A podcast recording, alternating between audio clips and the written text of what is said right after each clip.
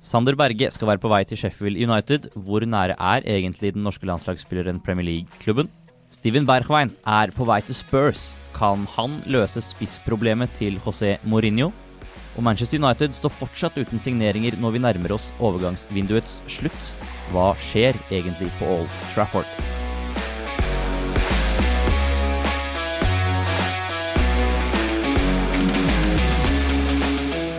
Mitt navn er Adrian Rikvoldsen. Simen Lønning, den vante programleder, har dratt til sørlige breddegrader, er det vel. Så jeg stepper inn. Jeg har med meg Jonas Giæver og Anders eh, Seriner. Velkommen. Takk, takk. Takk skal du ha.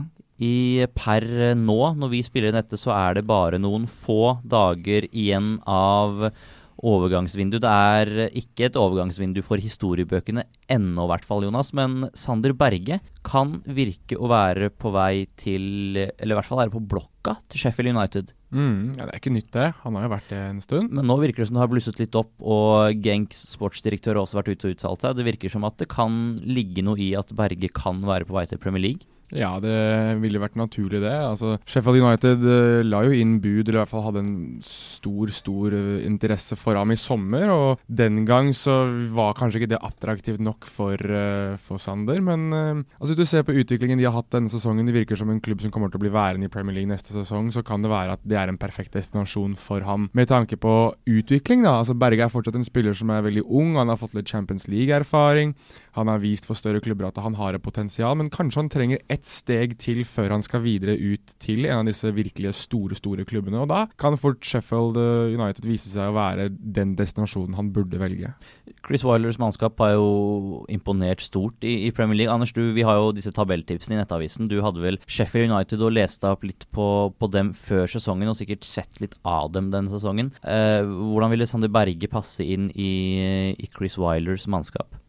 Først og fremst så tenker jeg at han i hvert fall har de fysiske forutsetningene for å takle både det Chris Wilder ønsker av midtbanespillerne sine, og Premier League eh, generelt. Eh, jeg tror han faktisk kan passe ganske godt eh, inn. Og mest av alt så er jeg som Jonas spent på om han tar det steget videre. For videre må han jo nå uansett på et tidspunkt. Og vi dømte jo Sheffield United ned, og, ned i championship før sesongen, og det gjorde kanskje Berge og hans representanter også. Eh, nå virker jo dette som en mer sånn naturlig stepping ground hvis han først skal ta steget mot mm. uh, høyere, større ligaer. Ja, han har jo vært koblet til bl.a. Napoli, som da begynner man å snakke europaspillklubb. Men syns du Sheffield United er en mer riktig karrierevei å gå før en eventuelt enda større klubb? Jonas? Det er et godt spørsmål. Um, altså Når du tenker over de klubbene han har blitt koblet til, da, la oss bare ta det litt først, så snakker vi Du sier Napoli, Liverpool var inne, inne i bildet. og Da er det jo et utrolig stort fall, da, og kanskje et av de aller mest usexy valgene, det å kunne gå til Sheffield United sånn bare noen måneder etter at det var, det var ryktet. Men hvis du ser på de eh, litt under ett, da, så er det kanskje mer logisk å gå til Sheffield United fra eh, fra Genk, altså med all respekt å melde til dem og til den belgiske ligaen, så er ikke det eh, Premier League. Og selv om Genk spiller i, i, Champions League, så tror jeg at han blir testet mer jevnlig på høyere nivå med Sheffield United enn han ville blitt hvis han hadde blitt værende i Genk, selv med Champions League-spill neste sesong. Men jeg, jeg, gjør meg jo opp noen tanker da, om at det er, en, det er en spiller som kanskje har overvurdert, eller blitt overvurdert litt grann, uh, av folk rundt seg. Kanskje han har blitt litt grann, opphauset mer enn han trenger akkurat nå. Og jeg tror at man sitter en, med mer realistisk uh, kontur rundt saken nå hvis han går til Sheffield United mer enn hvis han skulle gått til Liverpool og kanskje måtte kjempe med Fabinho, med Wijnaldum, uh, Henderson bl.a. Om, om en plass der. eller samme går for så vidt eh, i, i Napoli, hvor de bl.a. har Fabian Ruiz som, som er altså, mainstay på det spanske landslaget. Så jeg, jeg liker overgangen jeg, hvis det blir Sheffield United. Og, og, jeg synes at Chris Wilder og Sheffield United de har jo blitt ansett som veldig grå, men de har jo spilt en innovativ fotball som jeg tror kan bli veldig morsom å se Sander Berge i, hvis det er der veien går. For det er, nei, fortsett, jeg skal bare si, Anders, det er jo i hvert fall ingen tvil om at, at uh, Sander Berge har de fysiske forutsetningene for å lykkes i, i, i, en tøff engelsk liga. Ja, definitivt. Og Sheffield United har jo vært alt annet enn grå denne sesongen. Og dette, ja. jo, dette taler jo også for at dette kan være en klok overgang for Berge. Altså, alle ser jo på Sheffield United nå. Det er et kult lag å se på. De overpresterer. Kanskje ikke de overpresterer, de presterer rett og slett bra. Uh, og det vil jo være et utstillingsvindu uten like. Og han får testet seg mot de aller, aller beste på ukentlig basis, og det kan jo ikke være negativt. Få se om Sander Berge ender opp i klubben som spiller med noe så sjelden som overlappende midtstoppere. Det er uten tvil en kul klubb Chris Wilder har, eller leder i Premier League. For å gå videre, må jeg si det, Sheffield som by, dritkjedelig. Bare jeg får sagt det. Jeg har bodd i Yorkshire, bodd i Huddersfield, som ikke er så langt fra Sheffield. Gud hjelpe meg, kjedelig by. Så lykke til, Sander. Oser ikke sexiness av, uh, av, Sheffield. Vi skal bevege oss uh, til London, vi. Eller vi skal i hvert fall bevege oss dit. Det er uh, kraftige og heftige rykter nå om, som vi har googlet oss fram til, Steven Berchwein, som han uttales vel på nederlandsk. Mykket bra. Han skal være på vei til Tottenham, Jonas. Er det angrepsløsningen til Mourinho, tror du? Nei, jeg tror ikke det. men det er verdt å påpeke her at Marco Timmer i Fotball Internasjonal, stort, en stor nederlandsk publikasjon, har i dag, tirsdag, kommet med en sak om at klubben er enig. PSV og Tottenham er enige. og Det er jo etter at Berchwein skal ha visstnok bedt selv om å få slippe å spille for PSV, fordi han har lyst til å, presse gjennom en overgang til, til Tottenham. Og For meg så, så det stinker uprofesjonalitet av hele karen når du oppfører deg på den måten. Jeg, jeg liker ikke at spillere gjør det på den måten. At man ber om å ikke spille, det får så være én ting. men her snakker man om at de visstnok skal ha gått imot PSV-ledelsen, at det skal ha vært planlagt noen London-turer bak ryggen deres og litt sånn forskjellig, som jeg synes ikke er eh, spesielt bra gjort av en spiller som jeg rangerer veldig høyt hva angår eh, nivå. da, og Vi må jo si det at hvis du spiller 15 kamper i æresdivisjonen og står med fire mål og ti målgivende, så har du åpenbart noe veldig spesielt over deg. Og, og, og Bergwijn var vel koblet til Sevilla, hvis jeg ikke husker helt feil. Han var vel nær en overgang også til, til Ajax, hvis ikke minner slår meg feil. Og også Manchester United nevnes jo, men de nevnes jo forbindelse med absolutt alle uansett, så det er ikke så mye å, å ta for god fisk akkurat der. Men, men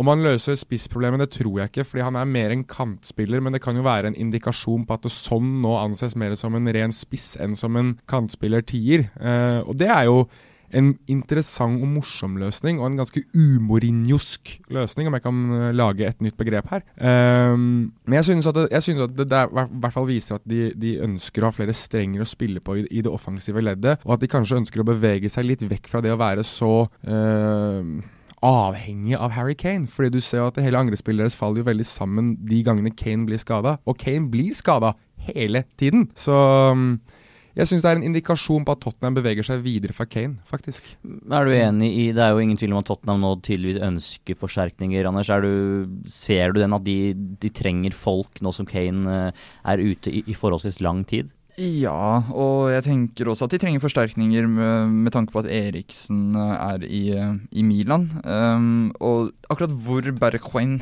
skal, eh, skal, spilles, det er jeg litt usikker på. Han spiller for det meste kant, også litt tier.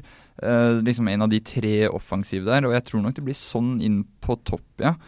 Men jeg vet ikke, han slår meg litt som en, eh, en ikke-Mourinho-spiller. Altså, bra målsnitt i Nederland, eh, men de litt sånn der eh, nekte å spille, kan være litt sånn udisiplinert på banen. Det, det, Jeg gleder meg til han surrer det til i en kamp, om, om Mourinho skal ta det opp uh, på pressekonferansen. For det kommer til å skje. Ja, for jeg skulle til å, å, si det. Det er vel ingen som er mer glad i typiske toveiskanter enn José Mourinho. Han, der skal du gjerne løpe like mye ned som du skal løpe opp Jonas, hvordan passer Bergwijn inn i, i Mourinhos eh, plan? Er det, er det Mourinho i, i, det hele tatt som har eh, pushet på for å, for å prøve å hente Bergwijn? Det er et godt spørsmål. Jeg, eh, jeg, vet ikke. Jeg må være såpass ærlig og si at jeg har ikke sett nok av Bergveien til å vite om han er samvittighetsfull nok til å ta disse tunge defensive løpene som Mourinho forventer av sine spillere. Men det er jo fort noe Homin Son gjør, da. Så for å vri litt på de tingene jeg snakket om her i stad, kanskje det er Bergveien som skal spille spissen, mens det er sånn som flyttes ut på kant. Jeg syns uansett at indikasjonen er veldig tydelig på at Mourinho ønsker å bevege seg til en annen type spillestil enn den han ville hatt hvis han hadde hatt Kane, som er en veldig markert nummer ni, da. Altså, han liker jo å spille i, i det rommet eh, lengst framme. Ja, Kane er nede og henter ball innimellom også, men det er også eh, type indikasjon på at nå går man videre også fra Christian Eriksen som en ren tier. Altså, jeg syns Mourinho virker som en kar som nå ønsker å spille en mer flytende fotball enn det han kanskje har vært kjent for tidligere. Så kanskje det vi egentlig ser, i hvert fall hvis det er Mourinho som står bak signeringen av Bergwijn, er, er, et ønske om å utvikle spillestilen sin. Og hvis det er noe Mourinho har blitt kritisert for både i Manchester United mot slutten i Chelsea også, men spesielt i Manchester United og også i starten i Tottenham, er det at han ikke har ønsket å fire på kravene. At han ikke er pragmatisk. Så kanskje, hvis vi skal være litt spekulative, kanskje dette her er Mourinhos uh, fallitterklæring til sin egen filosofi. bare for å dra den litt videre, dette snakket han vel om selv også, uh, da, da, Manchester United-eventyret var ferdig og alt det der, at nå, nå, måtte han rett og slett ta pust i bakken og se litt på sine egne fotballtanker. da, Om det var andre ting han kunne hente inn. Han har jo vært rundt i hele Europa og reist. og jeg Gedson Fernandes er også et litt sånn litt rart kjøp. Ikke noe jeg egentlig hadde forventet fra Mourinho. En uh, talentfull spiller som faktisk var bak uh, Tarapt i, i, køen i Benfica, som sier en del. Uh, så jeg, jeg, tror du er inne på den her. At han, det, er, det, vi ser nå, er ikke nødvendigvis sånn stort skifte i Tottenham, men mer et skifte i Mourinho og hans ønske om fotballfilosofi.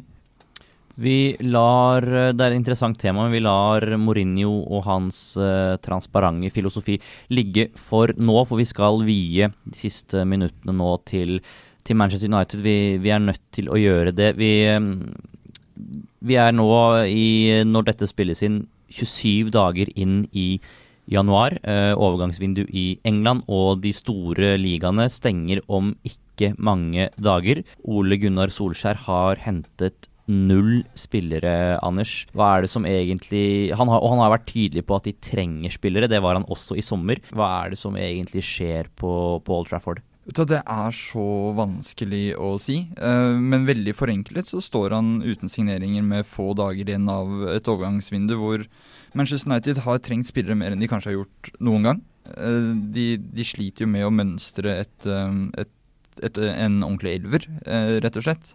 Bruno Fernandes-forhandlingene trekker ut. Uh, nye påstander fra Portugal og verden om hver eneste bid i dag. Men han starter jo kamper, senest i går kveld. Det hadde han ikke gjort hvis en avtale var uh, rett rundt hjørnet. Uansett hvordan man vrir og vender på dette her, så er det faktum at det er uh, få dager igjen uten signeringer, en, uh, det burde være urovekkende for Solskjær med tanke på støtten fra styret, tenker jeg. For nå, som man sier, Jonas, mm. Bruno Fernandes starter mot Maritimo i går. Uh, Chris Smalling er leid ut til Roma, mens United ikke akkurat bugner av gode stopperalternativer. Hvordan ser du på situasjonen nå som deadline day nærmer seg med stormskritt? Det er en parodi av en fotballklubb vi ser på Old Trafford nå, rett og slett. Uh, dette her er så pinlig for Manchester United at jeg nesten ikke finner ord. Vi leser daglig eh, om rykter om Bruno Fernandes, at dette trekker ut. Hver kamp han spiller, er avskjedskampen hans, fordi eh, Sporting og Manchester United skal visstnok være nærme seg. Altså, det virker som Sporting rett og slett prøver å ydmyke Manchester United nå og vise litt hvordan man um, driver business da, i det at de trekker og trekker og trekker og trekker og skal ha mer og mer og mer, og United, og United blir mer og mer og mer desperate. I tillegg til dette så uh, leser man rykter om uh, alt fra Kavani til, til Pjontek, altså store navn som kunne kommet inn og gjort en, en, kanskje en endring med en eneste gang. Og så plutselig dukker det opp Islam Slimani og Odion Igalo. Og det er for så vidt gode spisser, og, og Slimani spesielt har vært undervurdert og vært god i Monaco. Men er dette Manchester United-kvalitet? Og Det er vel også et dårlig tegn at plutselig, litt sånn som troll i eske, så dukker det opp spissnavn på tampen av overgangsvinduet. Mm. Det betyr vel enten at det ikke er hold i det hele tatt, eller at en klubb tenker ok, nå trenger vi et eller annet, og nå er de beste alternativene på vei til å glippe? Altså, det det stinker av, da, for å bruke en analogi her altså Manchester United har blitt han der eh, møkk dritings 23-åringen på dansegulvet som nå bare har lyst til å røske med seg første og beste eh, hjem fra byen. Altså Jeg vil forestille meg at det er grusomt som Manchester United-supporter å sitte og se på dette her, og hver eneste dag våkne opp til nye rykter som ikke virker å ha hold, eller som er såpass grusomme at man rett og slett ikke ønsker at de skal ha hold. Jeg synes det er interessant, for å, for å, komme med noe positivitet, da, at United tydeligvis har stukket fingeren litt i jorda. At de kobles nå til Antero Henrique, han som uh, altså, overgangsfikseren til PSG, som måtte gå da Leonardo ble, ble kalt inn. Han sto jo bak overgangene for Neymar, han sto bak overgangene for Kylo Mbappé. Så tydeligvis så har kanskje Manchester United nå innsett det at de ikke vet hva de holder på med. Fordi det, dette her har gått over all stokk og stein. Men samtidig, for å igjen eh, gjøre United-supporterne litt eh, mistenksomme og kanskje litt bekymringsfulle De hentet også inn Javier Ribalta en gang i tiden fra Juventus, som, som var den som ordnet en del av disse gratisovergangene fra andre storklubber. Han forsvant ut av klubben etter et par måneder fordi at det tydeligvis ikke ble, ble enighet rundt overganger han ønsket. Så Han fikk jo ikke gjøre jobben sin. Nei. Enkelt og greit. Og det, det er bare for oss som sitter og jobber med dette her hver eneste dag, så det er så slitsomt. da. Altså det, det har vært, De har vært koblet til sportsdirektører i flere år, har gått offentlig ut og sagt at det er noe de vil ha. Hvor vanskelig kan det være å få en sportsdirektør på plass? Det er åpenbart for en hel fotballverden og det oss supporter, men også de agentene som skal forhandle, og klubber, at Ed Woodward og den gjengen der, de kan de leke med. Når Sporting Lisboa kan nærmest blackmaile eh, United Ja, men altså det, Ja, det er det de gjør. Ja, og de vet jo så godt at United må ha Bruno Fernandes eller en annen spiller. De vet det så godt, og da kan Sporting ha så mye økonomiske problemer de bare vil, men de sitter fortsatt på gode kort. Og jeg tror United-supporterne syns at det er kult, denne nye veien Solskjær skal ha staket ut, og skal ikke bare kjøpe spillere for å kjøpe spillere og sånn, men de, de, betaler jo lønna til Alexis Sanchez i Inter. Uten mulighet til å hente han tilbake engang. De erstatter ikke gode spillere på, som, som, forlater klubben. Og de jeg, jeg, vet du, det, det virker så uoversiktlig og så Jeg vil nesten bruke et ord som urovekkende for Solskjær. At ikke det har kommet inn noen så langt. Må, bare si at kan, Vi kan lese, vi har skrevet en stor sak i dag om Antero Enrique, som du kan lese på, på Nettavisen. Sånn. Men jeg vil bare prøve å vri litt på det, hvis vi ser det litt fra Manchester Uniteds side. Eh, det at de er en så stor klubb som helt tydelig skriker etter spillere, kan det gjøre at de også settes i en vanskelig posisjon som gjør at selgende klubb har ekstremt gode kort på hånda? Mm, definitivt. Det er, og det er et godt poeng du kommer med der, men, men igjen, som, som, Anders påpeker, og som jeg har påpeket, og også du har påpeket, uh, Adrian.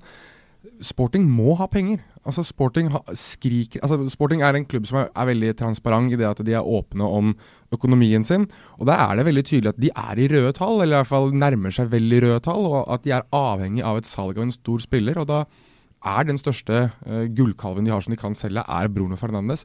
Men når de kan sitte og holde på sånn som de gjør nå med Manchester United, så, så viser det bare at United har null kontroll over det de, det de foretar seg. Og La oss nå gå litt gjennom det, da, bare sånn veldig kjapt, hva United har gjort på overgangsvinduet, hvis vi bare regner dette overgangsvinduet. De har bommet på Erling Braut Haaland. Hvorfor det skjer, det, det eksisterer det et hav av teorier rundt som ikke vi trenger å gå nærmere inn på. Men de fikk ikke Erling Braut Haaland. Eh, nå skjedde dette i sommer, men de kan jo si at de, de når effekten av dette her også nå. Når de ser Romelu Lukaku banke inn mål på mål på mål på mål i Inter, og de ikke har en registrert spiss selv fordi Marcus Rashford er skada.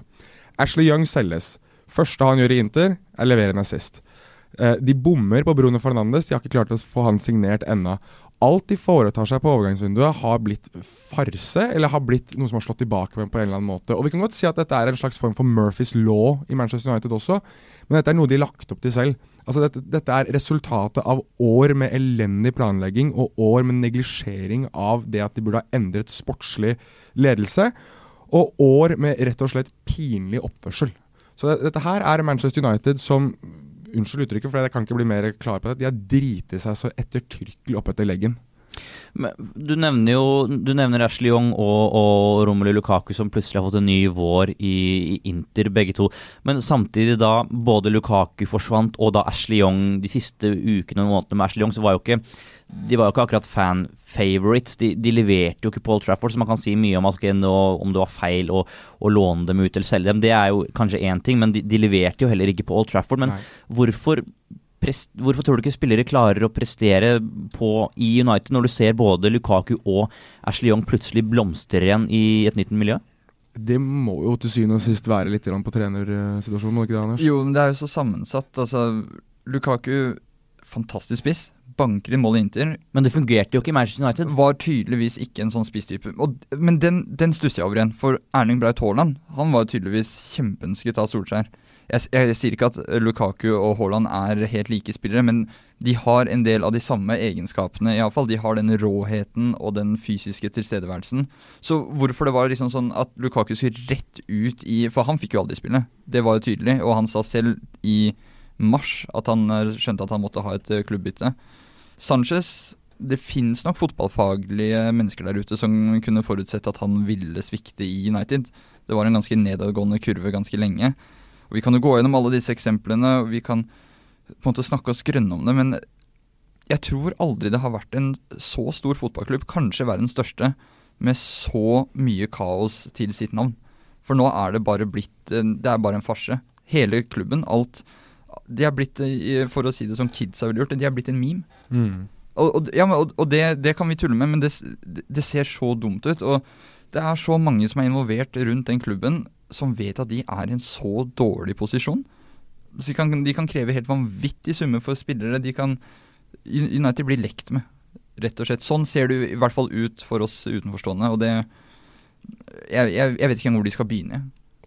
Vi er eh, nødt, dessverre, til å, til å kutte. Vi kunne snakket uh, lenge om både Manchester United, uh, Steven Bergwijn og, og Sander Berge, men uh, vi er tilbake faktisk veldig, veldig snart. Det er bare noen dager igjen av overgangsvinduet, så får vi se om enten Sander Berge går til Premier League, eller om Ole Gunnar Solskjær makter å hente Bruno Fernandes eller noen andre til Manchester United. I mellomtiden håper vi i hvert fall at du leser eh, nettavisen.no og følger oss både på Instagram, Facebook og Twitter. Takk for eh, følget, gutter. Det blir noen eh, meget interessante dager frem, frem mot deadline day. Gjør det. Absolutt. Takk for i dag. Takk for i dag, ja. Takk for i dag.